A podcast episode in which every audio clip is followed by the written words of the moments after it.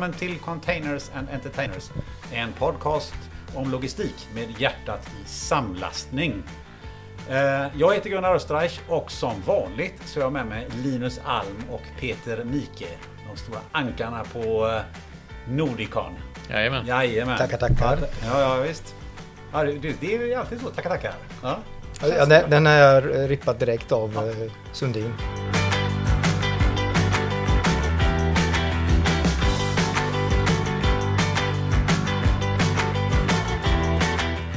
Ja, men det är perfekt ju. Eh, hörni mina herrar, jag tänkte faktiskt att eh, vi ska kolla lite vad ni kan om containers och containerfartyg. Så vi tänkte att vi börjar med en liten quiz här. Okej. eh, och, och då är första frågan, eh, hur många TEUs exakt lastar världens största containerfartyg? 21 436. Ja, och Peter säger... Jag tror vi närmar oss 23 000 nu ja. Ja, där är, då är ju Peter... eh, En poäng till Peter där. Aj, Eh. Det är faktiskt 23 964 teus. I ett fartyg som heter Algeciras. De heter 399,9 meter långt och 61 meters bredd. Gjort research alltså? Gunnar. Det är Jajamensan. strångt. Det är strångt. Ja. Då kommer vi snabbt till fråga två. När genomfördes den första resan med eh, containers på båt? Sjut- 68. Nej, det är tidigare. Eh, tror jag. Eh, Jag tror att det är typ på f- 50... Ja, det är någonstans där. 50-60-talet. Jag säger eh, 62. Eh, det var ju faktiskt då Linus en poäng för att det var den 26 april 1956 Ja. med Sealand-fartyget. Ideal X. Mm. Mm, det står 1-1. I USA, ja. Ja, och det för oss till fråga tre som är helt avgörande då. Va? Och det är så här, hur många förpackningar boxvin på 3 liter får du in i en 40-fots container? Lägg av. Det där kan ju Peter. Hade du frågat eh, flaskor så kan jag. Ja, just det. Ja, men nu är det- nu Säg det du box. först Peter. Nej, det är bara att dissa, ner, dissa mig hela tiden. Det är boxar vi pratar om nu, Ja. eh, så vi håller oss till det. 2500. 2500 är budet. Eh, 2501. Ja, ni ska säga så att ni, ni, ni vet, håller ni på med samlastning? Håller ni verkligen på att lasta container? Ja. Nej, jag tror det är mycket mer. In- inte jag, så mycket jag skulle vin, gissa på tyvärr. 10 000 Ja, du- du- du- Men jag vågar inte, jag ville bara vara en över Det honom. var ju så här då att det är då 22 500 Oj, boxar. Ja. Och totalt kan vi då säga så här i, i världens största containerfartyg så går det in 269 miljoner 595 000 boxar vin. Och det kan Oj. jag säga så att det är fyra års, mer än fyra års försäljning på Systembolaget. De betalar allt vin man säljer. Är det, är det rött kuriosa, eller vitt? Alltså. Ja, det är, Är det rött eller vitt? Ja, det är alltihopa. Men eh, då är det så här att då får man ett pris i det här i den här tävlingen också. Och eh, det är så här att första priset i den här tävlingen, den är grön, den är skön och den är självkörande. Varsågod Linus. Åh, tack. Är det en Porsche? Ja, det kan vara, eller så är det en sån här dragbil man drar ut eh, eh, containers med. Snyggt. Ja, eller hur va? Ja, Ja. jävligt kul. Tack, tack. Ja, eh, då så, då tycker jag att eh, herrarna klarade sig ganska bra förutom det där med de här 40 fots containern. Det är faktiskt eh, 67,5 kubikmeter i en sån så att eh, det blir Jo, några tack. liter. Jo, Ja, tack. jo, tack. Jo tack, jo tack. Eh, sist så hintade vi att det här avsnittet skulle handla om hamnar. Eh, men det Mm. hamnade vi liksom inte om man eh, säger så. Varför hamnar vi inte där Linus? Eh, nej, jag vet inte. Vi, eh, vi spånar ju alltid om vilka ämnen som vi ska ta upp i den här podden. Och eh, det känns väl som att vi, vi försöker hålla oss till aktuella ämnen. Och nu hade vi diskuterat de två eller tre senaste avsnitten ganska aktuella ämnen. Och så tyckte vi det var mer spännande att vända på steken och faktiskt lyssna av varuägarsidan. Eh, vad de tänker om eh, vår bransch och det som händer. Så det tyckte vi hängde ihop på ett bra sätt och därför så valde vi att eh, möblera om lite grann i ämnena. Mm, för vi har ju pratat om helautomatiserade fraktsystem eh, online och vi har ställt det mot traditionella logistikbolagen. Vi har utmanat rederi- rederiernas hysteriska frakthöjning. Kommer Ja. vi säkert in på idag. Och vissa rederiers eh, nya strategi att säkra avtal direkt med varuägarna. Mm. Ehm, så att för att reda ut det här och få eh, lite eh, bra diskussion så har vi ju bjudit in en varuägare, nämligen Andreas Johansson, Supply Chain Manager på New Wave. Välkommen hit. Mm, tack så mycket. Tack så mycket. Eh, först bara kort, så att i händelse att det är någon lyssnare här som inte vet vad New Wave gör för någonting, ska du bara liksom bara så här... Skämmes om de inte vet det. Ja, men det, det får de ju göra själva då. Men jag tycker ändå att vi för ordningens skull ska kort bara. Ja, New Wave, vi, vi är ett eh, entreprenörsdriv, ett tillväxtbolag. En tillväxtkoncern tror jag det står på vår hemsida till och med. Eh, vi drivs av, av en herre som heter Torsten Jansson som startade här för, eh, ja nu är det ju över 30 år sedan. Eh, eh, faktiskt i den lilla orten där jag jobbar till vardags då, i ett av våra dotterbolag. Eh, vi, vi jobbar inom profilbranschen, eh, sportbranschen och gåvo och hemtextil. Vad är Ja, profilbranschen? det är en dold bransch. Det är en som, dold bransch? Ja, jag skulle säga att det är en dold bransch som omsätter miljarder. Och jag vågar nästan påstå att alla i stort sett har en av våra produkter hemma hos sig eller varit i kontakt med det. Eh, det är, kan vara eh, kläder, du har sprungit ett lopp, du har fått en reklam-t-shirt. Eh, då kan det stå klick i nacken, eh, då är det vi. Du kanske har fått en eh, Orrefors, ett glas eller en fin vas någon gång, då är det vi. Hejar man på Blåvitt så känner man definitivt oss, igen oss via Craft. Eller om man har kört Vasaloppet någon gång. Så att, men just profildelen där, den är i och med att allting säljs via återförsäljare. Så att jag känner ju igen mig lite i de här diskussionerna när jag haft i podden med rederier som går direkt, eh, speditörer. Eh, vi är ju de rederierna, men vi går inte direkt. Nej.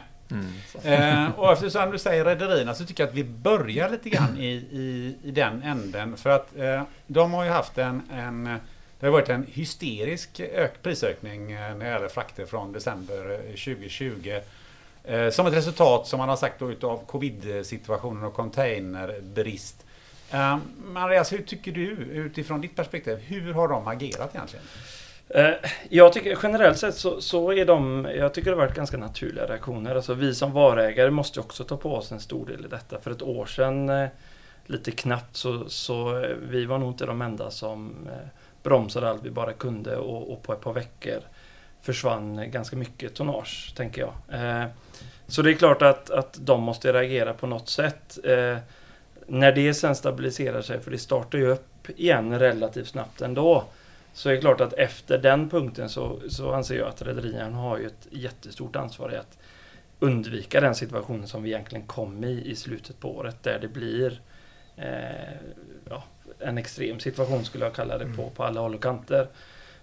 så det, det är, vi som varuägare måste nog ta på oss ett, ett visst ansvar i starten. Eh, men men eh, för att hindra de topparna som har varit så tycker Mm. jag att det, där måste, borde ju re- rederierna varit. Det är väl proportionerna av det som, som har varit extrema. Att, det, att frakterna kan femdubblas eller liknande. Det blir, det blir för stora svängningar. Eh, och där, där tycker jag, håller jag med dig om, att där tycker jag också att rederierna har ett ansvar att liksom dämpa det lite grann.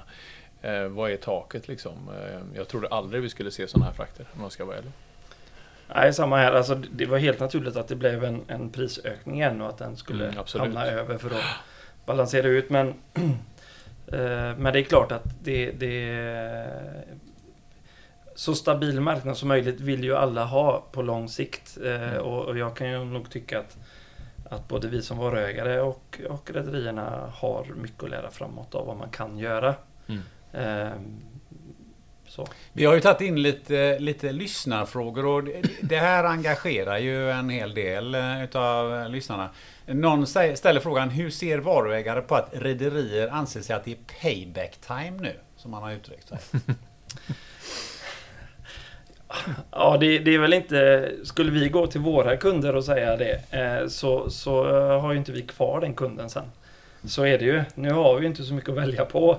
Eh, inte om man ska få in varor i Göteborg i alla fall, då har man det. Men, men eh, det kommer ju inte hålla om man, ska, om man vill längre in mot varuägarna och ta marknadsandelar från speditörerna. Då håller inte den hållningen. Eh, för det är inte bara priser, det är relationer också som, som någonstans ska byggas upp och, och man vill kunna lita på det. Eh, Jag har ju själv suttit i möte med rederier i, i eh, oktober, november när de försöker trissa upp priserna inför jul och nyår och, och Mm. eh, det har ju varit deras skördetid annars också. Mm. Men de sista åren har vi inte sett det. Så det är klart att den, jag tror nu kanske den, den demonen kom ut igen. Att nu, Mm. nu är vi tillbaks till, eh, till den tiden där det, nu, nu ska vi visa vem det är som bestämmer. Ja, för det, vi, vi kommer in på en annan lyssnarfråga där faktiskt. Vilka, vilka motkrav kan man som godsägare ställa på rederierna i de, i de ingångna avtalen? Med tanke på att de har ju någon sorts oligopol här. Ja, för vår del så... så eh, vi jobbar ju via en speditör och det är klart att det blir ju någon slags eh, utjämning över tid också. Eh, och vi hoppar på det. Men, men man är ju relativt utsatt om du inte är en, en riktigt stor varuägare. Det är klart att du är det. Men, men i slutet på dagen så beror det nog också mycket på hur, hur ser din supply chain ut. Då? Hur beroende är du av just det rederiet? Men det är klart att jag har ju suttit i ställningar där man har valt bort ett rederi som inte levererat kontraktsperioden innan Mm. eh, och inte hanterat det bra. Och då spelar det ingen roll om de är flera hundra dollar billigare nästa gång för du litar inte på att du, du får hem varorna. Mm. Så även om det är mycket pengar och stora, stora avtal så är det ju ändå i slutet på dagen att du vill få din leverans och du vill känna att de jobbar för dig. Mm. Det är nog det som är skillnaden. Går du ut med ett sånt uttalande du sa innan så är det ju det är inte, det är inte mycket kompromiss att, mötas på mitten i ett sånt, ett sånt uttalande. Nej, för man kan ju undra lite grann också. Jag menar, det är ju, det är ju ni som får betala eh, priset för de, här, eh, för de här ökningarna. Hur, hur hanterar ni det? Nej men eh, det är klart att det blir, det blir en, eh, en stor del i att vi behöver höja våra priser och, och låta våra kunder till viss del vara med och dela på, på den kostnaden. Men vi jobbar ju också med långsiktiga priser eh, gentemot våra kunder. Vi, vi har ju ingen prissättning som ändrar sig månad till månad, vare sig upp eller ner. Så att, och det är ju fler saker än bara en importfrakt. eh, För i, i vår, jag skulle säga att en importfrakt kanske står för 50-20% av en varas försäljningspris. 5 till 20. 5 till 20. Ja, Nå- ja. 50-20. Lite ungefär beroende på hur dyr produkt det är det kontra, Mm. Kontra hur, hur, eh, varifrån skickar du och så. Men om, om, vi, om vi har den så den kan ju öka en hel del procent innan det betyder att hela produkten ökar. Dollarkursen, hur, hur, hur går den upp och ner? Eh, distributionskostnaderna i, eh, i det landet du ska sälja produkten. Så det är ju inte bara en importfrakt, men det är klart att när vi ser sådana stora ökningar vi har så sitter vi ju inte och väntar i, i båten på att, eh, på att ja, men det går nog över. Eh, det kan vi ju inte göra. Men eh, det blir ju inte heller en femdubbling av våra priser för att den frakten. Och vi vet ju att det kommer ju gå över. Så vi försöker ju, för vår del så så är en del av eh, våran logistik har ju varit att vi ska vara en lagerhållande grossist.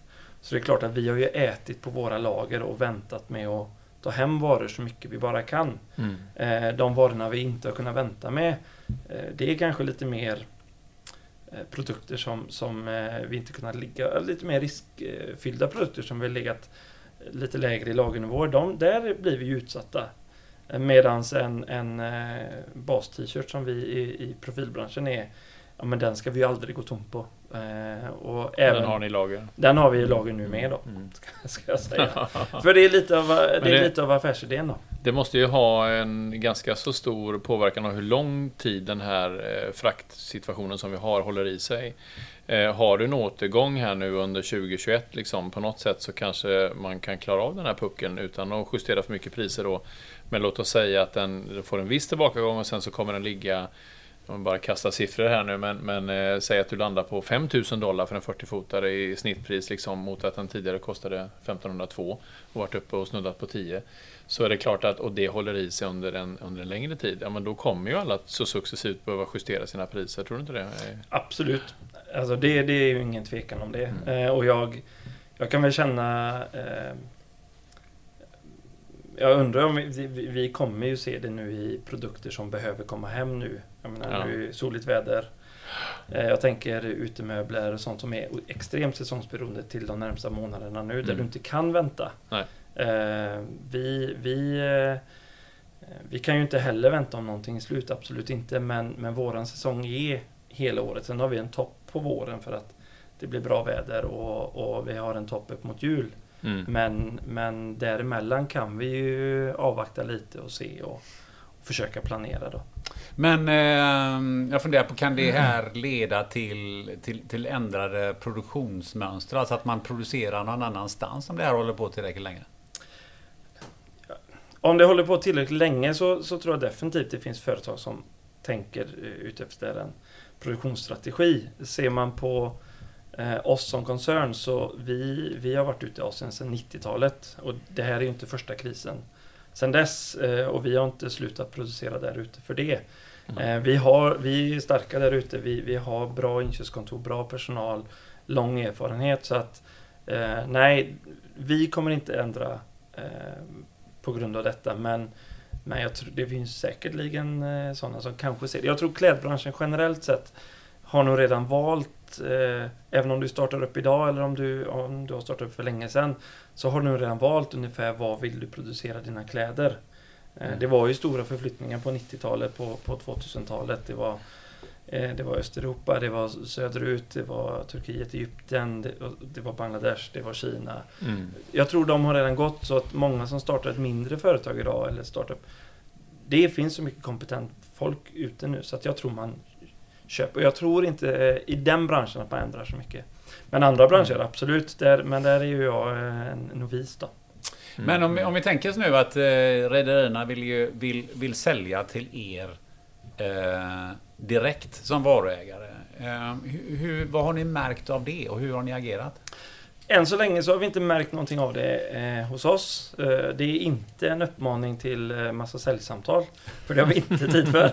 Eh, men men eh, det är klart att man ser på med lite spänning och ser vad, vad blir effekterna av det. Eh, det är ju en bransch som är, är, har varit på sitt sätt länge.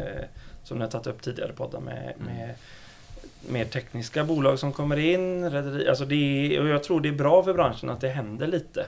Mm. Jag, jag, tror att det... Alla andra branscher har redan gjort det till stor del. Eh, man blir utsatt från flera olika håll och, och jag tycker det var en, en ganska intressant eh, det du sa tidigare här. Eh, eller om det var du som ställde frågan Gunnar, när du sa att eh, rederierna som då vidhåller den här höga fraktnivån och säger att de håller, vid, håller i den ett tag nu då. Eh, om man samtidigt har en strategi, eller vissa rederier har en strategi att, eh, att göra avtal direkt med varuägarna kan det vara så då att man gör bort sig lite grann i och med att man vidhåller och, understödjer hela den här höga fraktstrategin och sen kommer man och knackar på dörren och erbjuder någonting som ska vara attraktivt att man lite grann har, har gjort bort sig och bränt sina broar här då. Ja, till, till viss del. Man har nog aldrig bränt sina broar fullständigt. I alla fall inte Nej. hos mig. Eh, mm. Så jag tycker att eh, kan man bara få en förståelse för varför. Men om, om förståelsen är baseras på ren girighet och, och mm. maxa sitt uttag eh, så kanske den håller i sig lite längre. Eh, men jag, jag, framförallt kanske man går in med fel inställning. Att om det bara är pris man... Om priset är det viktigt. Det är ju som varuägare så är det klart att priset är alltid viktigt. Mm. Men inte till vilket pris som helst. Nej, nej. Jag menar, man har hört lite sådär rykten i, i branschen Eh, Eh, där speditörer ska omförhandla sina avtal med rederierna för en specifik kund och så har de eh, 20 000 T om året så ska man skriva ett kontrakt och rederierna är ju ganska ovilliga att skriva långa kontrakt nu och eh, håller fast vid en ganska hög fraktnivå och säger att du får betala dina 6-7 tusen dollar per 40-fotare och vi tar det månadsvis. Men om, om rederiet sen, för de är ju flexibla och kan göra vad de vill, kontaktar varuägaren och säger nu kan du signa mig för ett år här för 2 500 så är det ju en, en, eh, en ganska så spännande situation som uppstår. Eh, vissa varuägare kommer ju naturligtvis att se det som en möjlighet och, och att priset är bra och så vidare. Och rederiet äger ju ändå sina containers och sina båtar så de har ju en viss maktposition i det då, så att säga. Hur tänker ni eh, kring det? På New Wave? Nej men jag... Som jag sa innan, alltså priset, det är klart att det alltid är viktigt. Men, men eh,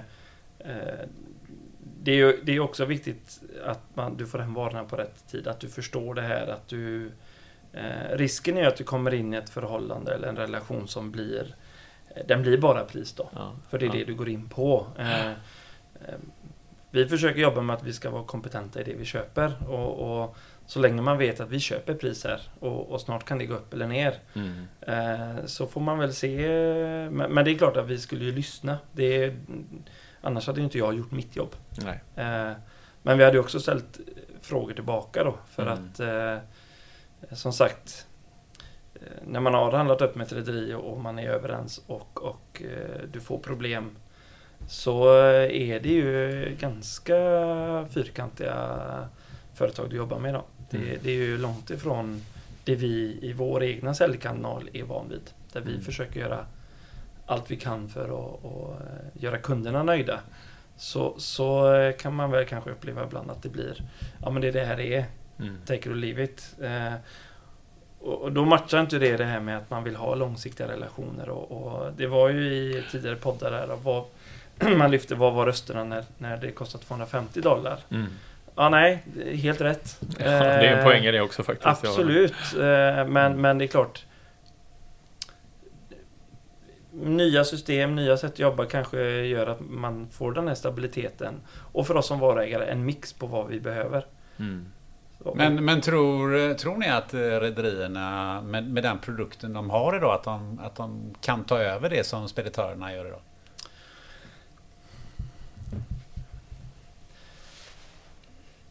Vår koncern jobbar ju med återförsäljare.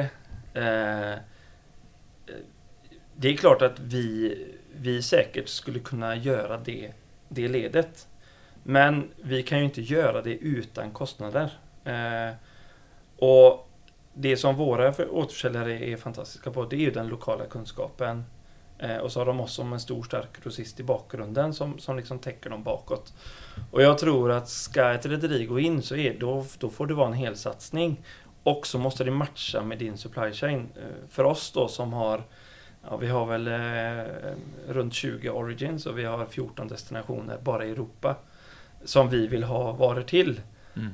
Det blir en ganska komplex eh, lösning som ett rederi ska kunna hitta där och vara duktig på alla de, de rutterna. Medan om vi går in till en speditör så har vi de förväntningarna att Mm. de ska hitta de lösningarna. Eh, och sen om det står eh, Kyne på den kavajen eller om det står Maersk. Jag tror kostnaderna kommer bli ganska samma ändå. Eh. Frågan är om rederierna kan hantera den, den inställningen internt i ett företag. Att du har en säljorganisation som måste vara ännu närmare slutkund. Som eh, du som ska utföra servicen förstår och kan förhålla dig till. Mm. Eh, för det är ju styrkan med en speditör idag. Att de kommer med många TUs och faktiskt kan påverka. Eh, och där skulle jag i alla fall vara lite orolig som varuägare med en, med en, volym på ett par tusen TUs. Men eh, hur stor påverkan är det egentligen? Mm, nej, för det, det var ju... Jag har också fått någon, någon lyssnarfråga här att... att eh, vad, vad är det... Vad är liksom det viktigaste då när ni väljer en, en transportör eller en, en speditör? Ja, det är ju många delar. Alltså, Pris, absolut. Det, det, är ju, eh, det är klart att priset måste vara... Eh, det är ju mer än en hygienfaktor. Eh, och, eh, men sen handlar det också lite om att hur jobbar vår samarbetspartner med oss? Eh, vi pratar mycket och ni har pratat mycket om system och, och men jag menar, det, det, jag, nu har jag jobbat med några av de största speditörerna och som har fantastiska system.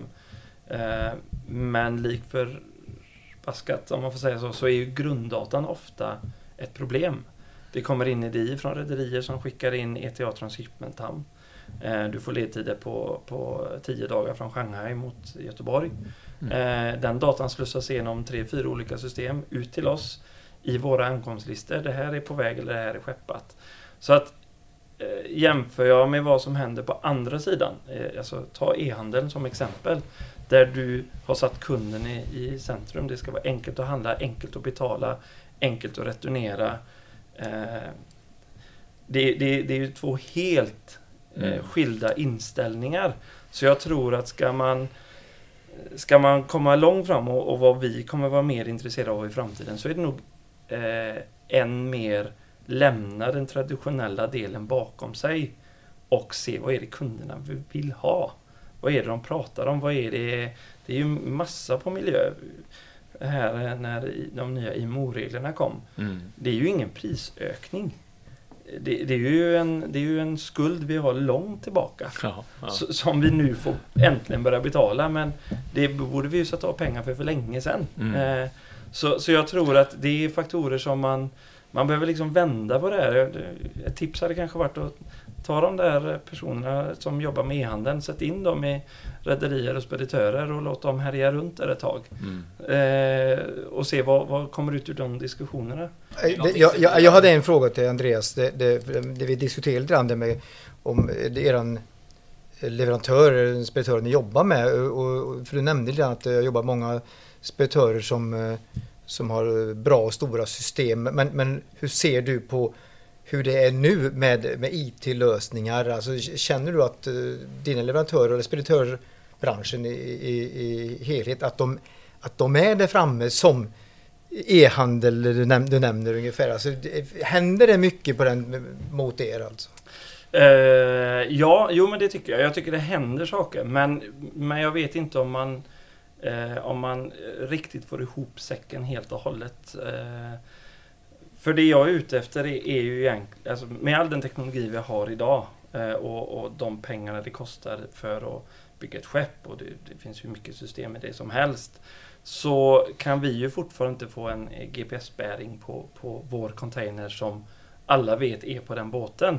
Mm. Eh, vi kan inte få en eh, rimlighetsbedömning som säger att den här kommer bli sen. För den har inte gått förbi den här breddgraden ännu. Eh, och då är det fysiskt omöjligt för den att nå ETA eh, kontinenthamn till den tiden. Mm. Så nu börjar vi jobba Det med behöver ju inte, bör ju inte vara några svårigheter egentligen kan man tycka. För det finns ju många sådana eh, funktioner idag som både trackar båtarna och man kan även tracka containrarna och så vidare. Så att, Ja, alltså jag kan ju se vart mina barn är på en gratis app. ja, Så- precis. Så, så eh, nej, man kan köpa till tjänsten. Du kan köpa till GPS-puckar. Men Ja, det, du är ja. helt, eh, helt rätt där Peter. Att man, eh, man satsar mycket i system och det är helt rätt utveckling. Men om man hade kanske ännu mer pratat med oss som varuägare. Men vad är det, vad är det ni vill ha? Mm. Så handlar det om att jag vill veta så tidigt som möjligt, eh, så säkert som möjligt om min last kommer hem i tid. Om den Mm. inte gör det så vill jag veta när tror vi att den kan komma. Så att jag kan börja agera idag. Mm. Eh, det kan ju vara både personalplanering på ett stort lager. Eh, men det kan ju också vara försäljningen. Det kanske kan vara kampanjer du måste ändra på. Även om kampanjhanteringen har blivit mycket mer digital också och snabbare Mm. så, så är det ju, och, och då, då räcker det ju inte bara att få EDI från, en, från ett rederi in till ditt system. Utan du ska ju Mm. faktiskt omvandla den och skapa en produkt av det. Mm. Och den produkten är ju egentligen förutsägbarhet och, och kunna avvikelsehantera. Då. Det är ju rätt spännande egentligen att det här med statusrapportering av gods oavsett om det är styckegods eller containers. Det har ju, det har ju alla sagt att de har i 15 år. Ungefär. och, Track and trace, ja. men, men, and- men i själva verket så är det ju, alla har ju inte det. Och inte än idag så ser man ju brister på, på den eh, fronten. Jag tycker det är ganska otroligt egentligen att, eh, att det är... Nu börjar det hända rätt så mycket kanske de senaste åren här tycker jag. Men om du jämför med eh, alltså kurirbranschen eller till och med e-handelsbranschen som du säger så ligger i framkant. De sätter kunden i fokus och de bygger allting utifrån de behoven. Medan eh, ja, vår transportbransch, om vi kallar det så då, kommer någon annanstans ifrån och försöker springa ikapp det här, de här systemen. Och, och lyckas inte fullt ut. Jag tycker det är rätt så konstigt egentligen. Om man ska vara Vad, vad kan det bero på? jag vet För inte. komplext tror jag. Ja, Det, för, det är för stort ja, och för, för mycket investerings i första skede. Ja, jag, jag tror precis som du är inne på det här också, om, när vi pratar om det med Navem, liksom, eh, som då är en, en eh, onli- online-tjänst liksom, där du kan boka och följa ditt gods. Och du, du har, de, de, bygger ju, de bygger ju sin plattform, sin produkt utifrån eh, Eh, vad som är bra för kunden och göra den kostnadseffektiv. Om du tar eh, några av de stora globala speditionsbolagen som har investerat mm, hundratals miljoner i detta.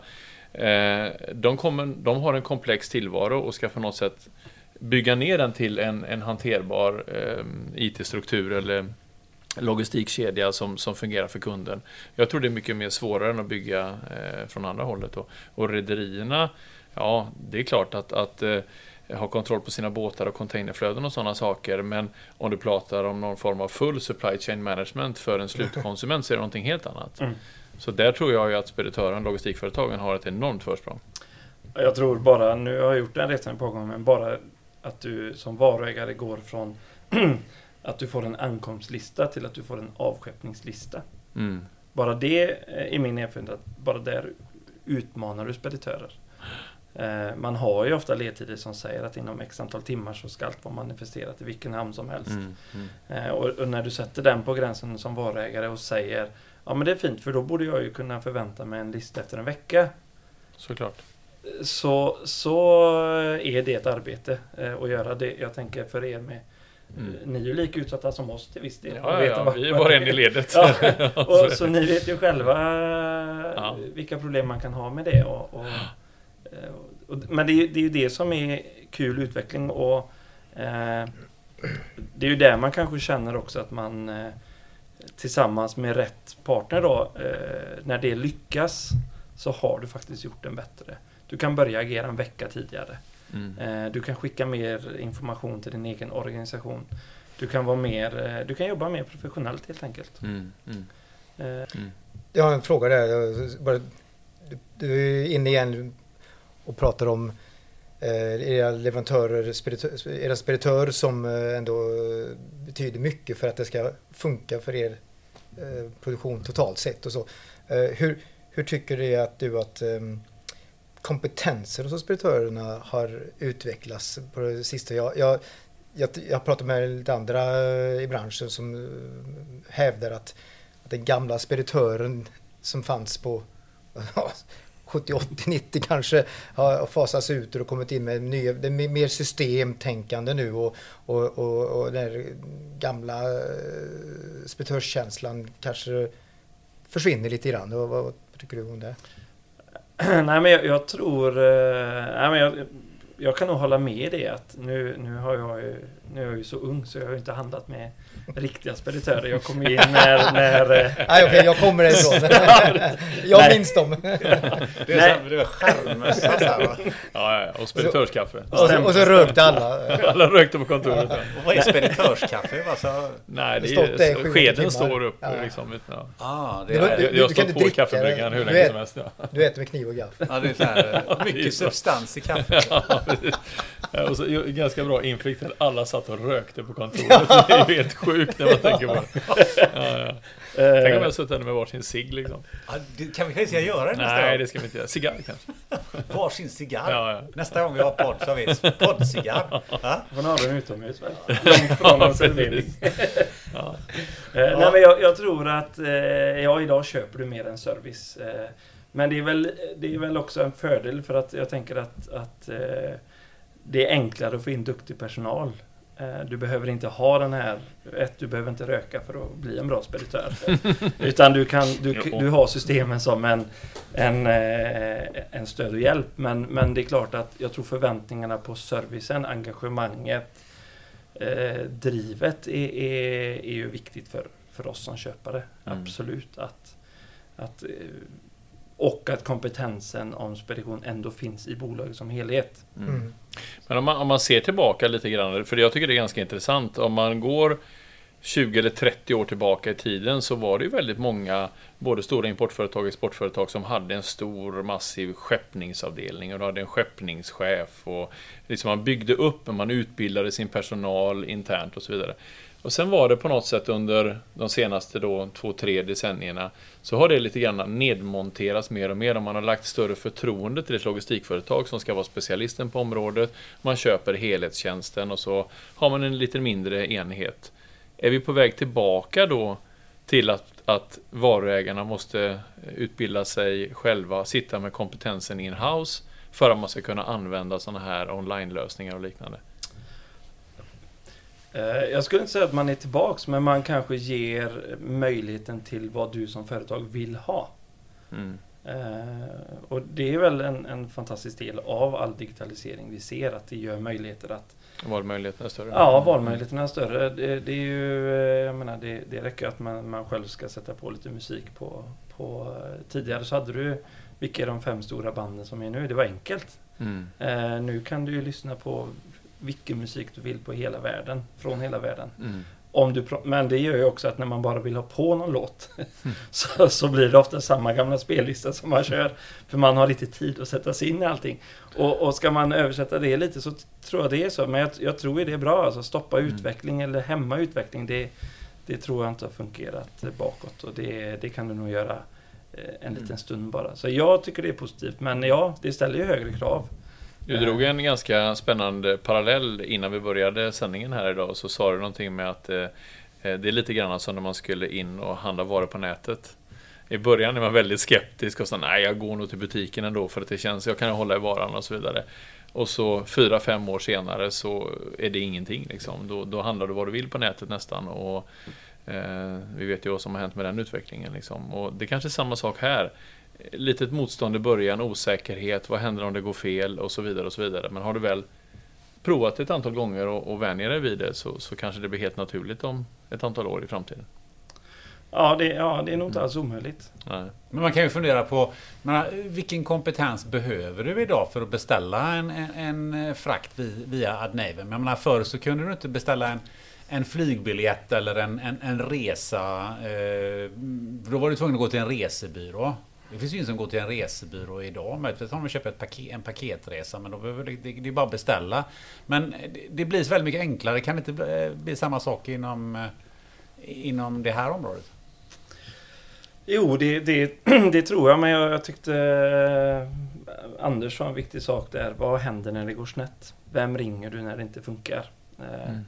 Och, och den, den osäkerheten är ju precis som det vi pratade om i handeln där. Ja, men om inte paketet kommer fram, eh, då vet jag att jag går till butiken så har jag det i handen. Det är inte så mycket mer som kan hända. Mm. Så jag, jag, Eller också ringa min speditör om det är något som går snett. Ja, eh, eller ja, vi, vi hade en, eh, en, en uppstart för några år sedan där vi hade en otroligt viktig container eh, som var tvungen att komma hem och eh, via speditör och det rederiet vi jobbar med så, så satt vi på det heligaste av det heliga midsommarafton fram till klockan sex på kvällen och rodda med två från speditören och, och rederiet och, och vi då.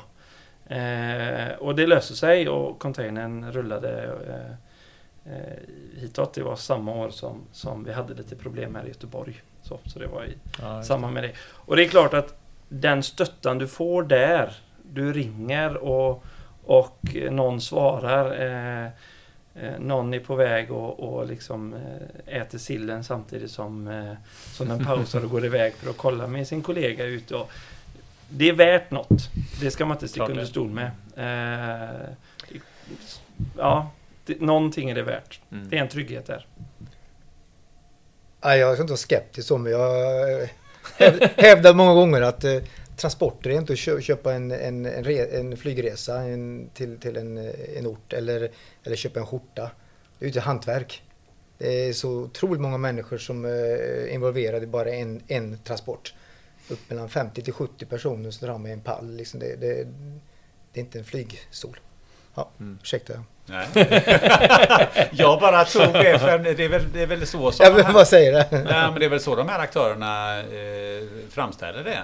Eh, det är som att köpa en flygstol. Ja, drar ju vissa paralleller där. Eh, men jag vet inte, det är, väl, det är väl just förfarandet att göra själva beställningen som är lik det. Och det, det, är- det är ingen skillnad på att beställa en transport och beställa en, en, eh, en flygstol. Men det är så mycket flera felkällor i en logistikkedja än vad det är i att transportera sig själv någonstans i världen. Så att, eh, ja, det, det, är- det är inte... Det är mera komplext, det är inte lika enkelt. Nej. I- Inte minst ska man säga också, för, för vår del så handlar det ju också om att stötta våra leverantörer eh, i form av fabriker som vi köper av, att kunna boka enkelt. Mm. Eh, lite, lite det när vi med att ja, men om du som inköpare, då kan du göra bokningen.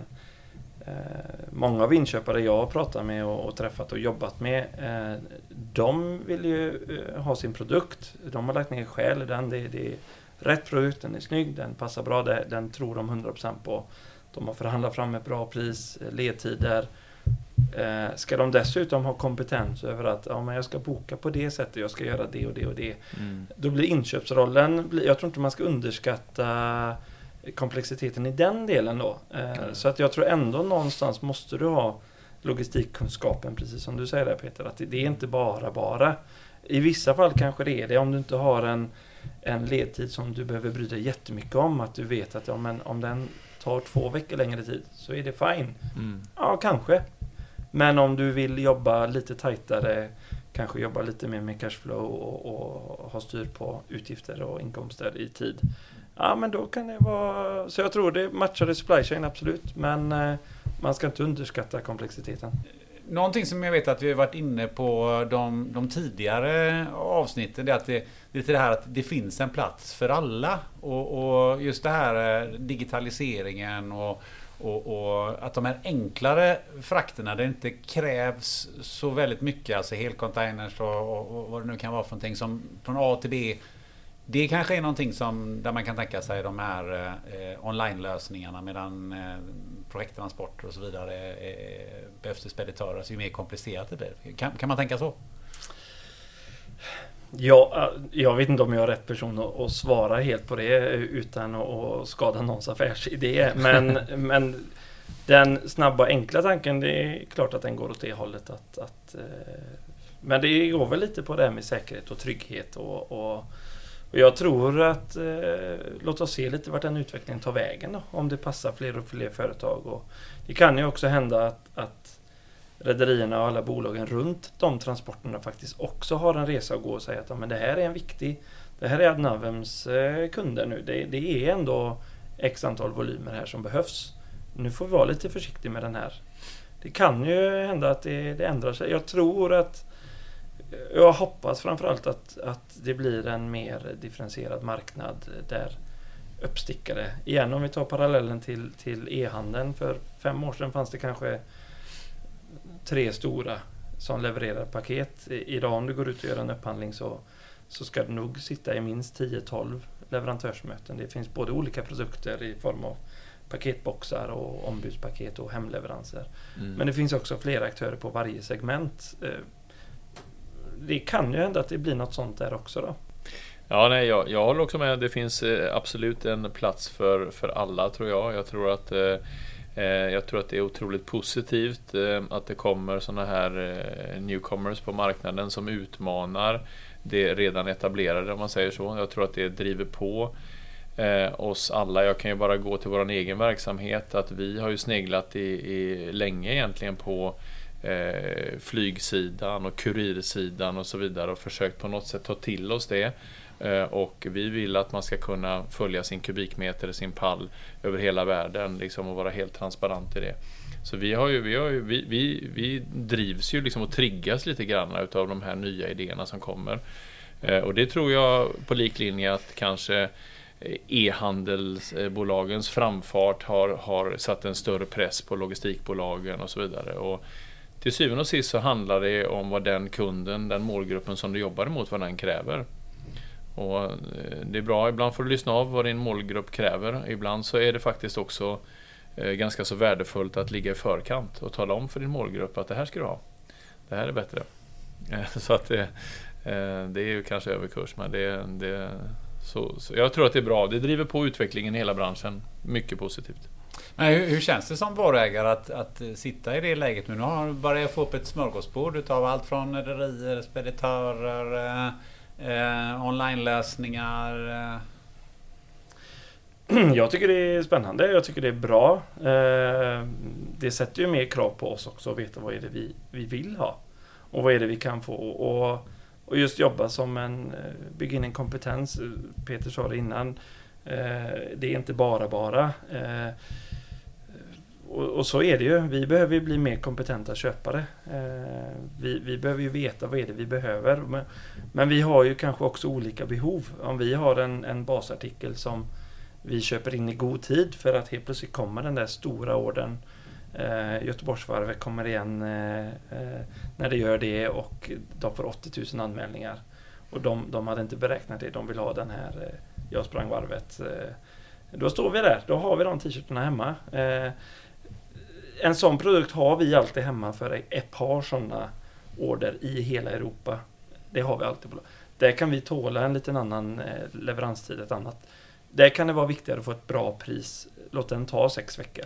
Mm. Eh, mm. Spelar inte så jättestor roll. Risken eller chansen att vi får den orden precis de två veckorna är extra. Ja.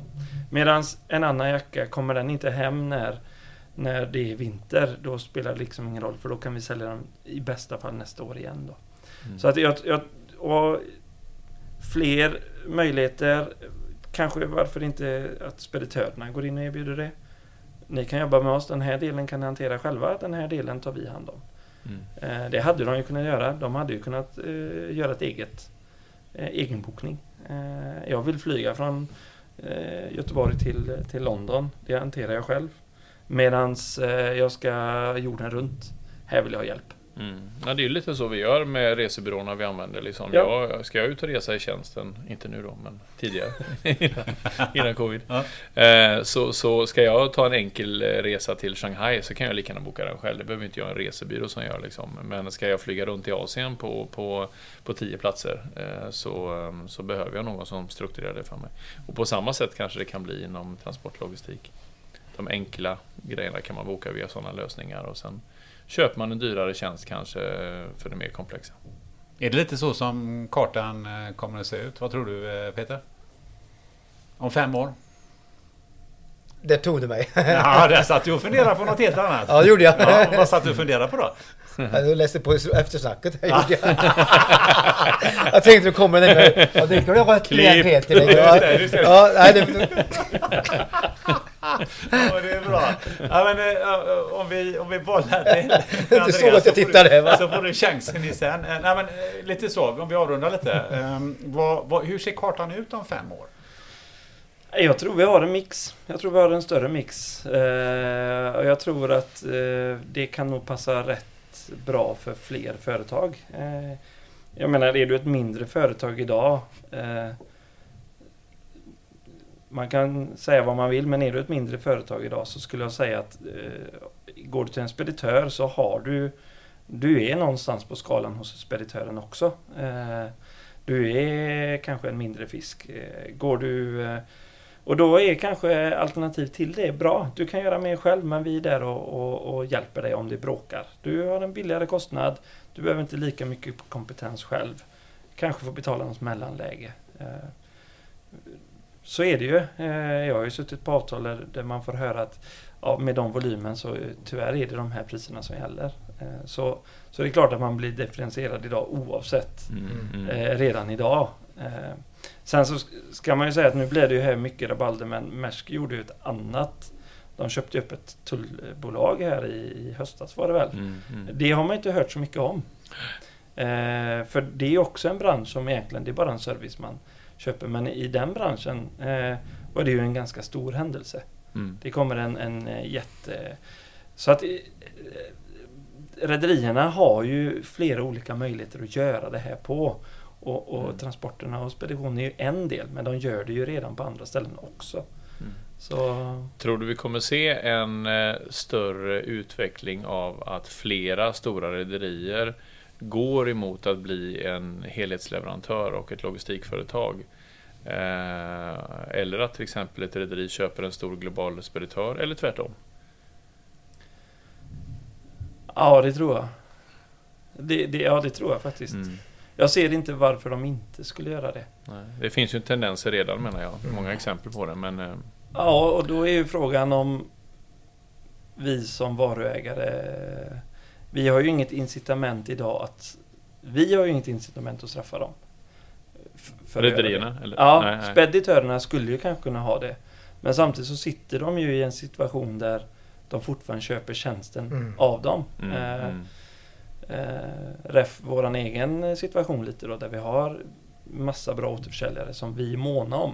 Mm. Eh, och det är klart att om, om eh, och vi har ju varit tydliga med våran strategi eh, att vi går via återförsäljare.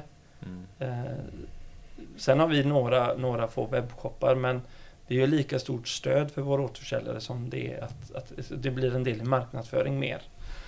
Eh, nej men jag tror det. Jag tror, eh, hade jag suttit på rederisidan så är det klart att jag tittar på vart, vart kan jag gå? Vart kan jag utöka? Mm. Eh, och det är väl eh, baksidan med om du som speditör har slått dig för bröstet med att säga att ja, men vi är light asset. Mm. Ja, okej. Eh, Light asset men stora dyra organisationer. mm. Så att, även ja, ka- kartan ritas om eh, framåt men oavsett som du sa Linus att, att det, det blir mer möjligheter för nya aktörer och, och andra sätt att och, Mm. och arbeta och agera. Så att det är liksom att man blir orolig för, oh shit, vad kommer hända nu? Vad kommer hända med den här delen? Ja, oh, men kolla här, nu öppnar något nytt här eller någon annan vägar att gå så att det finns ju jag tror att om kartan ritas om så förhoppningsvis så blir kartan större. Alltså, Mm. att, eh, Större karta. Det blir, tycker jag blir det slutordet för eh, det här. Vi ber att få tacka eh, Andreas Johansson, Supply Chain Manager på eh, New Wave för att eh, du vill vara med här. Tack så mycket, tack själva. Det är väldigt kul. Ja. Tack så mycket Spännande. Andreas. Tack, tack. Ska vi köra ett kort eh, eftersnack här Linus och eh, Peter. Ehm, hur, eh, hur känner ni efter det här eh, lilla snacket? Peter är helt utmattad. ja, det var, men det var spännande. och- Ja, Peter är helt utmattad. Jo, men, nej, men alltså, det, det är ju... eh, vi sitter och pratar väldigt eh, i våran damm om, om eh, transportbranschen och, och, och med speditörer, åkerier och, och rederier etc. Och, och, och så kommer Andreas här med, med, med helt nya, eller inte nya, men andra eh, funderingar och, och, och, tankar. Nya vinklingar, ja. det är jättespännande. Ja, jag tyckte också det var superspännande att höra Andreas syn på detta. För att det, det blir ofta så här att vi, man tänker ju väldigt mycket utifrån eh, transportnäringen och transportbranschen och så vidare. Och det, det är ganska nyttigt att, att sitta på andra sidan eller höra vad andra sidan tycker också. Eh, vi, eh, om man tänker inom samlastningen som då jobbar inom eh, transportbranschen, alltså våra kunder är ju speditörerna. Så att det är fortfarande inom våran sektor. Eh, och vi försöker ju ofta så att säga, sätta oss i speditörens eh, stol för att komma på våra idéer och hur vi ska paketera våra produkter och driva vår utveckling och sådana saker. Och det räknar jag med att, att det som Andreas kommer med här är intressant för både rederier och speditörer att lyssna på. Men då skulle vi ju frågat Andreas istället. Vad? Jo, vi ska inte fråga en speditör vad vi, vi- vad, Nord, eh, vad vi ska göra för att utvecklas. Utan vi frågar Andreas för han ställer ju kravet mot speditören. Ja, det är Så det, det, jag menar. det, det är därifrån det kommer då. Det, Exakt, Ja. exakt. Mm. Det är sant, det är, det är råttan på repet där. Ja. Ja, så det kommer nästa vecka så tar vi det. Ja, råttan på repet och man kan säga så att eh, ja, varför inte råttan på chipsen? Hur många- mycket dillchips har du ätit? här på Inte nu igen. Jag orkar inte. Ja, men, eh, jag tycker att det är en bra... Man kan säga så här att, att nu fick ni ju vissa då på hur mycket vin det går in då, en lådvin i en, en container. Där var du ju helt fel ute. Och eh, vad, vad tror du om chips där? eh, eh, Hur många påsar chips det går in i en 40-fotare? Har du svaret då? Det Nej men det tänkte jag att det får, det får, det får ni. Ja men det, om man säger så här, chipspåse är ju inte... Det är ju ganska likt en contain... Eller vad säger jag? En, en låda vin kanske. Så att eh, jag gissar på 25 000 påsar chips då. Ja, och, och guldnougat för din del. eh, Ja, nej, jag, jag har bara väntat, jag bara väntat på att det ska komma med eh, hur mycket, hur många rödvin du får plats med. Det, för Ja, det, okej, det, men- ja, ja, men, men ta men, det det, nej, men jag tänkte faktiskt slå ett slag för... Jag satt och tänkte på Ja, jag har tänkt på det länge. Att jag slår ett slag för uh, ute-AV. Det är inte många som tänker till på det. I en container? Nej, ute. Jaha. På en... eh, ja, hemma. Istället Mm. för att sitta och gnälla på att vi kan inte träffas och, och, och dricka lite vin. Ja, klä på er. Och gå ut Det och ta har nog med den. jättemånga, men det är bra förslag. Ja, jag bara säger jag vill slå Ja, slag. absolut. Många har gjort det, men inte alla. Nej. Många säger, va? Jag kan ju sitta ute och dricka. Det går alldeles utmärkt. Det är bara att klä på sig ordentligt och dricka mycket. Glühwein. Alltså ja, exakt, dricka mycket. Ja, där var vi igen då ja. Men, men jag tycker fortfarande alltså det här med eh, hur... Jag tycker att egentligen att ni var så långt borta från det här med hur stor en 40-fotare egentligen är. Egentligen så borde Nej. ni... Egentligen så borde Jag är förvånad över Peters svar. Ja. Två, Sa du 2000? Sa du det? Ja. Men du, ja, vänta, ta, vänta då. Får bara säga en sak. Vi sa inte hur stor lådan är alltså. Jag, jag har ju sån här... Boxvin? Box, ja men har min box är typ, eh, jag säger oktabin, det har så stora rackarna alltså. Du, alltså, vi sa tre liters. Det sa att, du eh, inte. Nej, nej, du var väldigt koncentrerad. Nej, men jag tänkte att liksom, som, som det här som att ni egentligen borde ställa upp en, en 40-fotare varsin så, så ska ni packa Mm. den med respektive chips och guldnougat som ni gillar. Så ser man vad som går i. Ja. Och så ni vet det. Ja. En årsförbrukning. Nej, en årsförbrukning, minst. Men eh, Ja. eh, från det till något annat. Eh, ha, har vi någonting att hinta om för nästa avsnitt?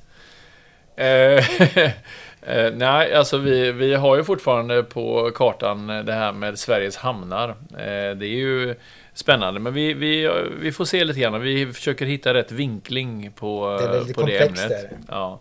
Och sen har vi ju samlastning skulle vi kunna spendera tio avsnitt av att att diskutera. För det finns ju otroligt mycket.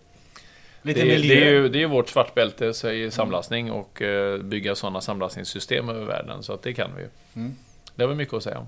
Miljöfrågan kanske är någon gång Ja. kommer upp igen. Verkligen, verkligen. Det är ju eh, hett ämne i dagarna här. Vi håller på med revision av våran ISO 14000 så att ja. Nej men det, det är ett hett ämne generellt sett med, eh, med miljöfrågan och jag tror också att eh, eh, det blir ett hetare, eh, eller det blir ett ganska intressant ämne när man också vänder sig lite grann mot varuägarsidan, export och importföretag, om de ställer de kraven.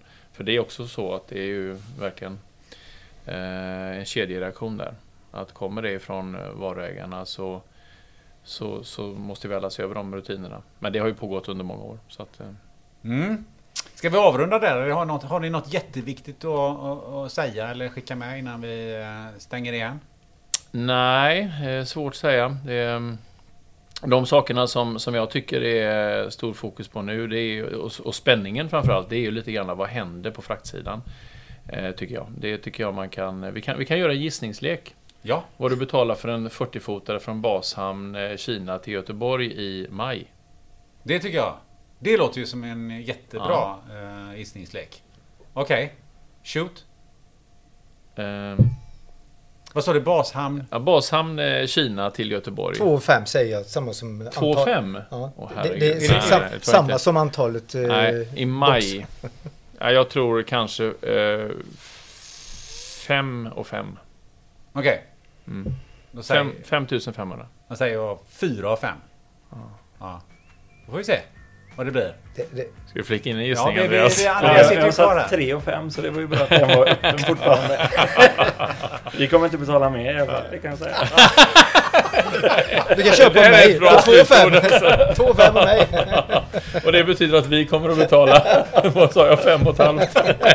Helvete.